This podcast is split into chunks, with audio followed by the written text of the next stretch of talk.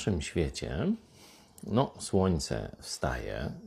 Przynajmniej tak się mówi, choć wszyscy wiedzą, że to Ziemia się tam kręci wokół Słońca, ale dalej mówi się tak samo jak parę tysięcy lat temu, że Słońce wstaje, powiedzmy, dzień się zaczyna, świta coraz bardziej i tak i bardziej jest w zenicie, a potem schodzi coraz niżej na widnokręgu i zachodzi za horyzont. Jest zachód i znowu ciemność. I tak w kółko. Nie? Światłość i ciemność, światłość i ciemność. Czyli za każdym razem się pojawia i potem znowu znika. Na co to wskazuje? Na jakiś tymczasowy charakter tego pojawiania się i znikania światła.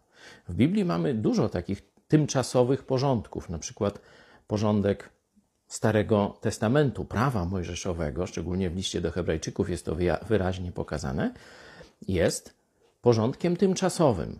Podobnie to kapłaństwo, które składa ofiary za grzechy, było kapłaństwem tymczasowym, a kapłaństwo Jezusa, porządek Nowego Testamentu jest wieczny. I zobaczcie, podobnie jest z tym światłem.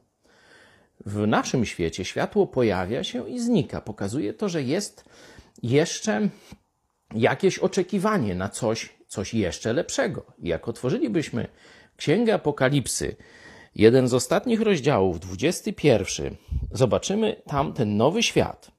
23 werset. A miasto nie potrzebuje ani słońca, ani księżyca, aby mu świeciły.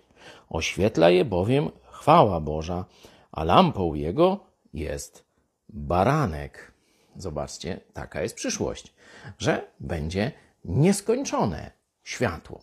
Cieszmy się tym światłem, które już teraz mamy, ale wiedzmy, że czeka nas coś jeszcze lepszego wieczne światło.